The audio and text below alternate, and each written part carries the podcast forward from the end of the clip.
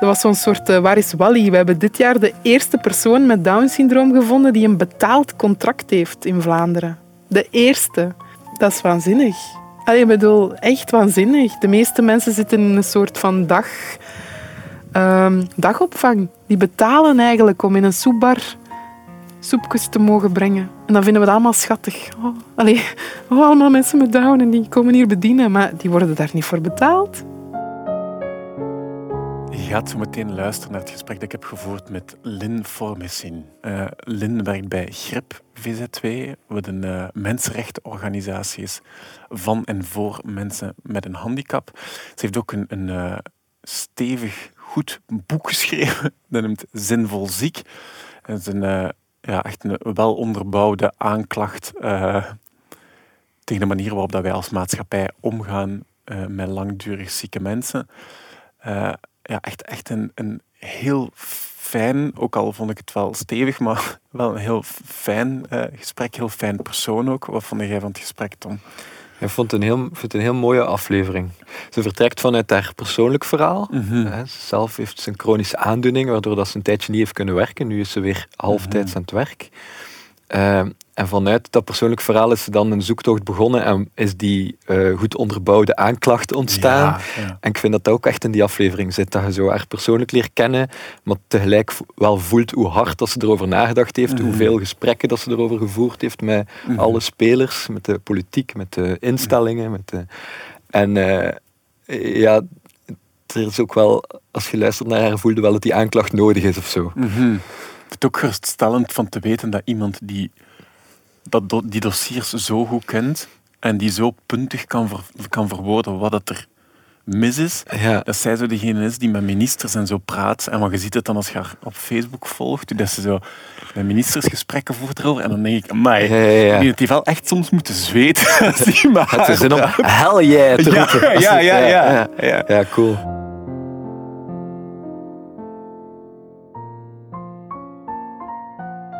Ik las dat, je, dat het lang geduurd heeft voordat jij je diagnose had. Ja. Echt lang. Zo lang als, als in toen voelde je al dat er iets niet klopte? Of ja, dat is, echt, dat is echt al lang. Ik, uh, ik heb herinneringen van, ik denk dat ik acht was of zo, of negen, dat ik s'morgens wakker werd en mijn hoofd niet van mijn kopkussen kon tillen van de nekpijn. En dat ik echt uit mijn bed moest rollen, op mijn knieën landen en dan zo recht krabbelen en dat het altijd was van ja, groeipijn of er werd altijd iets. Oh, ja, ja. dus dat, dat, dat is eigenlijk al heel lang dat ik me herinner dat er echt pijnen zijn die naar mijn gevoel niet normaal waren. Um, en in mijn tienerjaren ook, als je bij hallo moest, pieptest, koepertest, al dat soort vreselijke toestanden, dan had ik bijna altijd daar vlak na Achillespeesontstekingen, al dat soort van ja, lastige ja. ja, bijwerkingen. Maar ja, dan... jij dacht dat, je zegt, ik vond het al niet normaal, maar ik kan me zo juist voorstellen, als je, als je nooit anders hebt gekend, dat het heel moeilijk is om, te, om, om in te zien dat het dat dat niet normaal is. Ja, ja maar ook bedoel vergeleken met mijn leeftijdsgenoten dan of zo. Hè? Die dan probleemloos um, rondjes blijven lopen op die mm atletiekpisten of zo. En dan, ja, ik was dan ook niet, uh, niet van de slangste, dus dan werd dat heel snel daarop gestoken van die is gewoon niet sportief of die is gewoon niet... niet allee, dus dat, dat is heel moeilijk eigenlijk om, om, uh, ja, om daar naar terug te kijken en te weten of ik dat echt al door had, dat er iets niet klopte, of dat dat gewoon... Ik weet het eigenlijk niet. Ik zit zo te denken, mocht, mocht mijn dochter zeggen, dat ze, ik denk dat veel ouders dat misschien zo wel ook doen, zo als, als, ik, als een kind zegt dat het pijn heeft, dat je zo wat geneigd zou zijn om zo... Misschien ook omdat je schrik hebt. Ja, natuurlijk. Wat als je het serieus neemt. Zo. Mm. Ja, ja, ja, ik heb dat nu ook. Hè. Mezelf met mijn eigen kindjes. Als die klagen over iets, is dat zo... Oh, hoe moet ik daar nu mee? Ook vanuit, uiteraard vanuit er is een paniek van, oh nee, die hebben toch niet iets zoals dat mama heeft. Zo. Ja, ja. kan, ehm, kan dat? Kan, ik, ik weet het eigenlijk niet. Ze zijn daar nog niet zo goed uit. Eh, je hebt, je hebt een gen uh, voor de diagnose die ik nu heb, maar dat is bij mij niet, um, niet actief. Bechterew, ja, dat wordt niet meer gebruikt ja. eigenlijk. Ah, Spondyloartritis wordt het vandaag. Afgekort SPA en die naam is vrij nu, dus dat is SPA, spondyloartritis. Ja, okay. um, Maar Bechterew is eigenlijk zo aan eindstadium. Dat zijn echt zo de heel, helemaal kromgegroeide... Allee, de mensen die die volledige verbeende ruggengraten zo hebben. Bij de meeste mensen wordt dat vandaag ook niet meer... Um, of, of, evolueert die ziekte niet meer in die mate dat, oh je, dat je dat voor hebt. Mhm. Maar um, als ik in mijn familie kijk, de aanleg voor auto-immuunziekte lijkt wel daar te zijn. Verschillende varianten daarvan. En SPA is een vorm van een auto-immuun. Ja, is een auto-immuunvorm van reuma inderdaad. En daarmee nauw verbonden bijvoorbeeld is de ziekte van Crohn. Mhm. Eh, maar ook um, psoriasis-artritis. Uh, dus er zijn een heel aantal... En ook een vorm van oogontstekingen. Ehm, dus als je zo kijkt, en dan denk ik, ja, ik heb ook een, jong, een, een neef die op hele jonge leeftijd al suikerziekte had. Dat is ook auto-immuun. Zo, als je zo gaat kijken in de familie, zijn er wel wat mensen in de, in de twee richtingen, bij mijn mama en bij mijn papa, die mm auto-immuunproblemen hebben. Dus dan denk ik, ja... Hoe, hoe zit de link, en dat is misschien wat technisch, hè, maar de, de link tussen auto-immuun en reuma? Also, hoe, hoe, hoe, zorgt, hoe zorgt die oorzaak voor die pijn? Bij mij, allez, hoe dat ze het mij hebben uitgelegd, is dat die aandoening die ik heb, dat het dan een bepaalde eiwitten in uw, in uw immuunsysteem zijn die je eigen gewrichten aanvallen. En bij spondyloartritis is dat voornamelijk uw bekkenregio en uw ruggenwervels en aanhechting van uw schedel en uw nek. Dus dat zijn ja, voornamelijk uw wervels eigenlijk. En daardoor krijg je inflammatie en daar ontstaat de pijn. Dus- inflammatie is een chic woord voor ontsteking. Ah ja, sorry. Ja, ja. ja, ontsteking, ja, inderdaad. Gewoon dat ik het snap. Ik wou eigenlijk gewoon ontsteking zeggen, maar ik dacht, wacht. Is het is een interview. ik moet duur worden. Ja, duur worden. Nee, nee, nee. Nee, maar dus ja, ontstekingen. Um, en die zorgen voor schade ook natuurlijk, als je daar niks aan doet. Dan krijg je wel echt letsels aan je gewrichten. Daarom dat de eerste ehm, behandeling is altijd om de ontsteking te onderdrukken. Um, maar dat is eigenlijk heel symptomatisch. Maar ze kunnen dat niet oplossen. Hè? Dus sowieso, eender welke behandeling is, is afremmen van de aandoening en proberen om u zo gezond mogelijk te laten leven. Hè. Dus beweging die, die doenbaar is op lange termijn. Hè. Dus niet zo, we gaan nu sporten en daarna drie weken plat. Alleen je moet iets vinden waardoor je mhm. kunt blijven bewegen. Um, en voor de rest, veel mensen zitten ook aan de pijnstilling, echt. Maar ik zag dat niet zitten. Allee, ik, kwam, op een niveau dat ze zeiden, ja, het enige wat we nu nog kunnen voorschrijven zijn morfinepleisters. Dat ik echt dacht, oh help, Allee, daar wil ik eigenlijk echt niet aan beginnen. Um, ik was toen nog maar een twintiger, hè, dus ik dacht, nee dank. Um, allee, ik kan heel goed snappen dat mensen dat wel doen. Maar um, ja, nee, ik, dat, ik wil dat niet. Ik wil niet zo half verdoofd uh, ja. in de wereld staan of zo. Dus maar wat, wat zit er daarvoor? Want dan was je wel al ander, waren wel al andere medicatie aan het Ja, in het begin als je die diagnose pas krijgt, moet je eigenlijk cru gezegd alle pilletjes proberen die niet zo duur zijn voor de sociale zekerheid. En als daar niks van werkt, dan kom je in aanmerking voor de duurdere medicatie die ik nu, nu gebruik, biologicals. Dus dat zijn uh, spuiten die. Ik heb die ondertussen leren zelf prikken. Hè. Dus elke maand is dat met zo'n gevulde pen. Moet ik dat in mijn buik uh, klikken, om het zo te zeggen. Maar dan, dat zijn honderden euro's hè, per spuitje. Um, en dat probeert het, het stuk van je immuniteit te blokkeren dat de auto-immuunreactie uitlokt. Dus dat is echt medicatie dat echt zo ja, op biologisch niveau gaat mhm. ingrijpen. Maar dat is geen pijnstiller. Dus mensen denken soms van het is opgelost of zo, maar dat is niet per se. Je pijnsysteem is nog altijd wel actief. Dus dat komt er dan nog bij. Mhm. Want hoe, werkt dat dan als je eerst langs al die anderen... is, weet je dat op dat moment, dat ze dat met u aan het doen zijn? U ehm, langs de goedkope rayon ik herinner, ik herinner mij dat die, dat die reumatoloog daar wel heel eerlijk over was. Dat dat gewoon ons, ons systeem is. Dat dat zo werkt met die ziekenfondsen. Van je moet eerst proberen en ergens, ergens kun je die logica wel volgen van stel nu dat, dat, dat, jij, ge, dat jij goed bent ja een ontstekingsremmerke dat al lang bestaat of zo, mhm. ja, dan is dat goed. En dan is dat ook minder invasief voor je eigen lichaam um, dan daarvan die injecties door te jagen.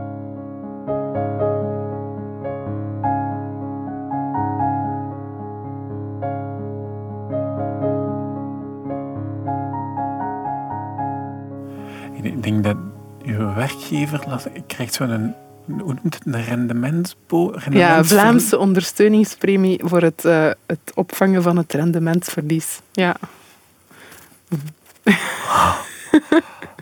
ja. Dat is echt, eh, ik weet niet wie dat, dat woord heeft uitgevonden, maar ik zet hier een klein momentje van reflectie kunnen inlassen. dat je dus, als jij aangenomen wordt, dan wordt dat ergens in de papieren zo wat geregeld dat je werkgever een rendementsverlies compensatie moet krijgen of zo. Dat is ook echt... Uh...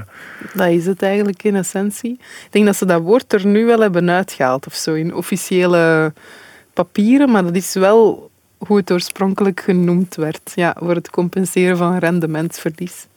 Um, wat heel confronterend is natuurlijk, dat je dat, dat beseft van, ah ja, ik rendeer niet optimaal. Uh, allee, ik vond dat, allee, toen ik wist dat ik die erkenning daarvoor had, vond ik dan een hele dubbele van solliciteert je nu met dat bijna op je voorhoofd? Zo van, ik heb een VOP, uh, neem me aan, ik ben goedkoper. Allee, of of allee, hoe, moet, hoe, moet je dat, hoe moet je mhm. dat aanpakken? Maar ook, hoe vult je dat in? Want dat budget is eigenlijk voor mij, voor mijn aanpassingen, uh, om te investeren, om, om, om mij op een gelijkwaardige manier als iemand zonder mijn aandoening te laten, te laten meedraaien. Dus dan ja, voor wat kunnen dat dan allemaal gebruiken, is dan de vraag. Hè? Dus, uh, dus dat is, en dan, dan heb ik soms het gevoel dat ze daar ook nog niet echt uit zijn. Dat is zo nog wat...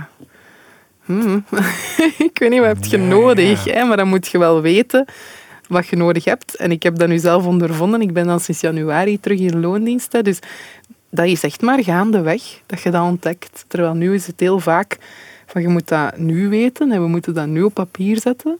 Um, maar gelukkig bij mijn werkgever is dat nu niet zo. Daar is dat wel echt dat dat ja, gaandeweg... Ja, het is ook omdat een organisaties die ergens toch in die thematiek... Ja, ja. Ik, weet, ik weet niet hoe je dat zomaar zou kunnen verwachten van om, om te even welke werknemer, werkgever op dit moment zou... Ah ja, ik weet dat niet. Ik denk je zou ook ergens weg moeten gaan, eigenlijk om, omdat het niet ging. Hè? Ja, dat is waar. Ja, ja, de job die ik deed op mijn moment van diagnose, dat was niet houdbaar. Nee. Nee. Ik las dat je gevraagd naar een ergonomischere stoel en dat de reactie is, ja, maar de stoelen zijn al ergonomisch. En nee, zo, er zit zo, like een, zo een, ik niet, een spraakverwarring of, een, of zo. Een, ja, ik, maar ik denk als ik... Dat je niet serieus genomen wordt? Ja, maar ik denk als ik daarop terugkijk, dat ik ook nog niet ehm, het vermogen had om echt uit te drukken waarom dat dan nodig... Allee, of allee, wat de reden was dat ik daar echt nood aan had. En, en, en wat er wel en niet kon. Ik had die diagnose toen nog maar juist. Als je dat moet inschatten, wat je wel en niet nog gaat kunnen in je job, dat is super moeilijk. Om dan te zeggen van... Als je mij nu gewoon een betere stoel geeft, is het opgelost. Omdat je dat ook niet weet. Dat mhm. dat zo zal zijn. Dus ik kan, allee, ik kan wel terugkijken en vatten dat dat niet makkelijk kan zijn, ook niet voor iemand die u daarin moet faciliteren om, om daar ja, gerustheid in te hebben of zo. Ik, ik snap wel dat dat beeld een beetje leeft van iemand die chronisch ziek is, daar kun je niet, niet meer op rekenen. Dat is denk ik de grootste schrik dat je bij werkgevers hoort, van die gaat toch altijd maar weer uitvallen en als we daarin investeren en die valt dan toch weer uit, dan... Dat is zo een, een, ook een rendementsdenken hè, de hele tijd, van als we daar dan iets voor doen en die valt toch uit. Oh ja, mm, we zullen dat maar niet doen. We zoeken beter een gezonde nieuwe werknemer of zo. We vervangen mhm. die persoon dan beter gewoon dan in die onzekerheid te zitten. Allee, dat, dat voel ik toch dat dat nog altijd meer leeft. Mhm. Ehm, en dan proberen ze nu massaal die mensen toch terug te, te reïntegreren. Wat ik ook een lelijk woord vind, overigens, omdat dat dan impliceert dat als je een gezondheidsprobleem hebt, je uit de samenleving gevallen bent of zo. Of alleszins mhm. uit het economische stuk. Mhm. Ehm, zodat je het opnieuw geïntegreerd moet worden. Ik vind heel die... Ook, ook overal in die beleidsdocumenten, arbeidsongeschikte, langdurig zieke. Mensen worden altijd herleid tot, tot dat wat ze niet kunnen of dat wat mis met hen is. Dus ik vind dat eigenlijk heel, heel storend. Ja, hetgeen wat dat overschiet is ook nogal een nauwe definitie van wat dat dan iemand is die, die past, om het zo te zeggen. Zo, wat, wat schiet er dan nog over? wie zijn we niet allemaal aan het integreren op dit moment? Zo, er zijn een hele grote groep mensen precies aan het, aan het dwingen in, in een integratie, in een heel fijn definitietje dat nog overschiet. Ja, inderdaad. Maar ik denk dat dat zeker op de arbeidsmarkt dat dat mij opvalt dat er nog niemand dat vacature denken ook niet overstijgt. Dat het altijd is, we schrijven een vacature uit en dan moeten we iemand vinden die daar exact in past. In plaats van, we zoeken, we zoeken naar mensen met talenten en we kijken dan wat die voor ons kunnen betekenen. En we, we, we jobcarving of crafting, of hoe wordt dat genoemd? We bouwen daar dan een job voor. Wordt dat zo genoemd? Ja. een cool woord. Ja. Jobcrafting. En jobcarving, ja. Het is, ja. Het, is niet helemaal hetzelfde, blijkbaar. Um, carving is dat je een bestaand takenpakket gaat aanpassen aan een persoon. En crafting is volgens mij dat je echt van nul een job creëert voor iemand. Maar, maar daar denk ik dan van ja, dat is toch logischer dan dat je, dan dat je een rigide kader maakt van in, in, hierin moet jij nu passen. Dit is de job en voor, voor exact dit hebben we iemand nodig. Ja. Er wordt altijd gesproken van flexibiliteit en al die dingen, maar ik heb het gevoel dat dat vooral van de persoon moet komen. Dat jij je moet zien te kneden in, in, in dat wat er al is, in plaats van dat daar een wederkerigheid in zit of zo. Dus mhm. ik, ik vind dat... Ja, en je ziet dan wel heel veel goede initiatieven van... van ja, bemiddelaars tussen de werknemer en de werkgever die, die daar dan in willen communiceren. Hè. Bijvoorbeeld, bij mij is dat met een inclusieplan verlopen. Ik vind dat een heel mooi concept. Um, bij uw huidige? Ja, bij mijn huidige werkgever. Dus dan, dat is dan een document waarin dat, ehm, ja, wordt, wordt opgenomen wat er nodig is om, zoals ik eerder zei, op een gelijkwaardige manier je job te kunnen doen. Dus welke mhm. dingen dat je nodig hebt. Ehm, en dat kan zowel letterlijk aanpassingen zijn, maar bijvoorbeeld ook um, mijn, mijn, uh, mijn Vlaamse ondersteuningspremie, die zet ik ook in voor bijvoorbeeld, ik noem dat dan VOP-uren. Um, als ik bijvoorbeeld ergens echt een dip heb en even moet slapen of zo. Dan slaap ik twintig minuutjes, maar dan moet ik dat niet nog extra gaan bijwerken achteraf. Dan is dat gewoon een, een redelijke aanpassing voor mij om binnen in mijn werkuren even, even te slapen. Of... Wacht, hè, en hoe werkt het dan? dan? Dan klokt jij uit, om het zo te zeggen, en die 20 minuten... Nee, ja, die worden gecompenseerd door die premie. dat is ongeveer, allee, ik denk dat dat de eerste jaren, of alleszins het eerste jaar, is dat 40% van mijn loon kost.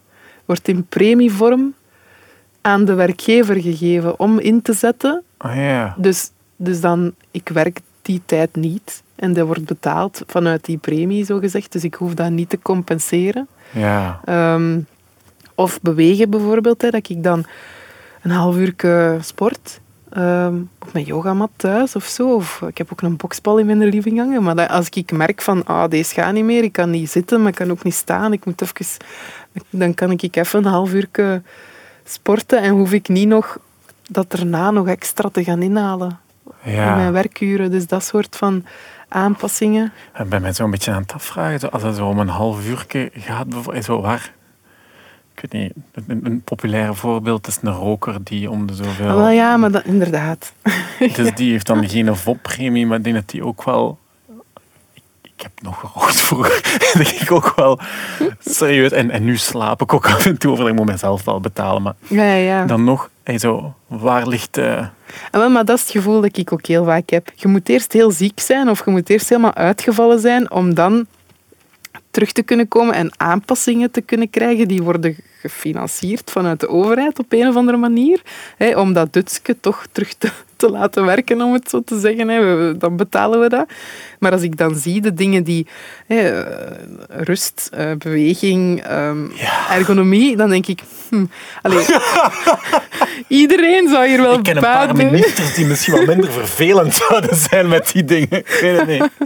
ja, maar ja, dan, allez, ja. dan zie ik dat gebeuren en dan denk ik... Um, ja, dat, dat zou logisch zijn mocht eender wie dat werkt zo'n inclusieplan hebben. Het is vooral dat, omdat ik dan denk van het is toch niet omdat... Ik heb nu zelf die aandoening, maar stel nu dat ik een kindje zou hebben met mijn, mijn ernstige handicap of ik zou een ouder hebben die ziek is en ik moet een stuk mantel of wil een stuk mantelzorg opnemen, dan heb ik evengoed die redelijke mhm. aanpassingen van mijn werkdagen nodig om dat te kunnen doen. Dus ik snap niet dat dat, allee, dat, dat meestal altijd zo bij, voor een bepaald segment van mensen er maatregelen worden gemaakt. Dan denk ik, denk toch eens gewoon breed. Over mensen? Ja, over mensen. En niet zo die langdurig zieken. Wat mhm. gaan we daarvoor doen? Die mensen met een aangeboren handicap. doel heeft dat we, dat we daarmee doen. Ja, we moeten ze geïntegreerd krijgen en normaal proberen ja, laten functioneren. Ze moeten, ze moeten meedraaien, ze moeten werken. En dan zie je ondertussen de gezonde mensen allemaal uitvallen. Allee, allemaal veel uitvallen met een burn-out. En dan gaan die plekken waar mensen die geen gezondheidsproblemen hebben opbranden, die gaan dan aanvullen met mensen die wel gezondheidsproblemen hebben. Allee, ik zie soms, ik denk dan alleen, dat is toch hopeloos. Dat is, er is toch geen... geen mhm ja, dat zie ik gewoon niet goed komen op lange termijn. Terwijl als je durft nadenken over de basis van vooraleer mensen ziek, ziek worden en ze uitvallen, wat kunnen we daar betekenen? Mhm. Dan kun je wel veel leren van mensen die reïntegreren. Want die, kies, die hebben dan iets meegemaakt, of dat dan nu een burn-out is, of, of kanker, of wat, wat het ook is. Um, waardoor die goed weten ondertussen, mm dat niet meer ja, de nog gezonden kunnen daar meestal wel veel van leren. Of die zijn dan heel zuur omdat die denken, waarom mocht jij dat? En waarom mocht jij slapen? En waarom mocht jij bewegen? En waarom heb jij een speciale stoel? En dan zo, ja, omdat ik ziek ben. Ik zeg van, allee, daarom. Ja. Maar dat, dus je voelt dan, denk ik, um, zo wat vrevel door, door tekorten die mensen zelf wel al aanvoelen. Ook al zijn ze nog niet ziek, maar dat ze denken, oh, ik wil ook wel een dutje doen of ik wil ook wel even sporten of ik wil, ik wil ook eigenlijk wel liever... Uh, of ik heb ook wel af en toe wel, wel last van mijn pols, misschien een ander muis. Of, allee, dus dus het is zo een hele cultuur waar, waar dat je... Niet zeuren. Ja, maar ook, maar ook waar ik dan denk dat mensen die, die met langdurige problemen zitten, een interessante spiegel wel kunnen zijn. Allee, en, die, en dat ook zijn, maar dat er gewoon nog niet zoveel in gekeken wordt.